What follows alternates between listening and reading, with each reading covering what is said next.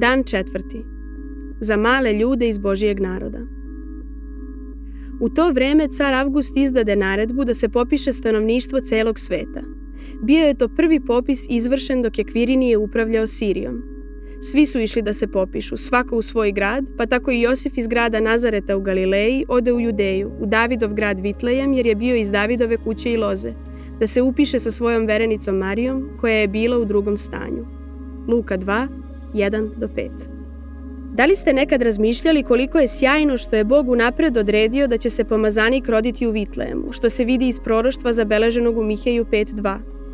Da li ste zadivljeni što je odredio da u vreme ispunjenja tog proroštva pomazanikova majka i zakoniti otac ne žive u Vitlemu, nego u Nazaretu, pa je zbog toga kako bi ispunio svoju reč i doveo tog prvog Božića dvoje nepoznatih, nevažnih i beznačajnih malih ljudi u Vitlejem, stavio u srce Cezara Avgusta misao da se sav rimski svet popiše tako što će svako biti upisan u svom gradu.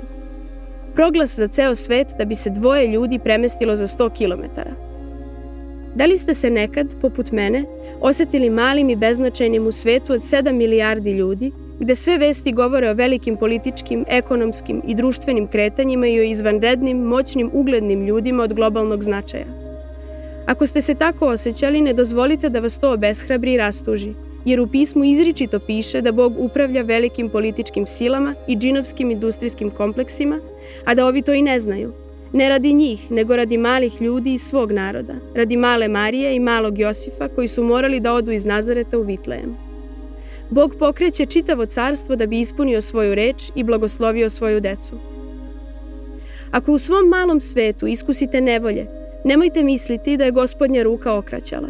On ne radi na našem blagostanju ili slavi, nego svim svojim srcem radi na našoj svetosti i radi tog cilja upravlja celim svetom. Kao što piše u poslovicama 21.1.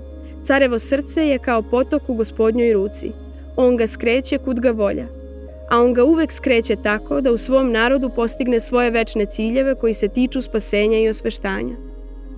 On je veliki bog malih ljudi i imamo mnogo razloga da se radujemo što svi kraljevi, predsednici, premijeri, kancelari i poglavari sveta i ne znajući slede proglase našeg svevladajućeg Oca na nebesima, kako bismo mi, njegova deca, mogli da se saobrazimo slici njegovog sina Isusa Hrista i da uđemo u njegovu večnu slavu.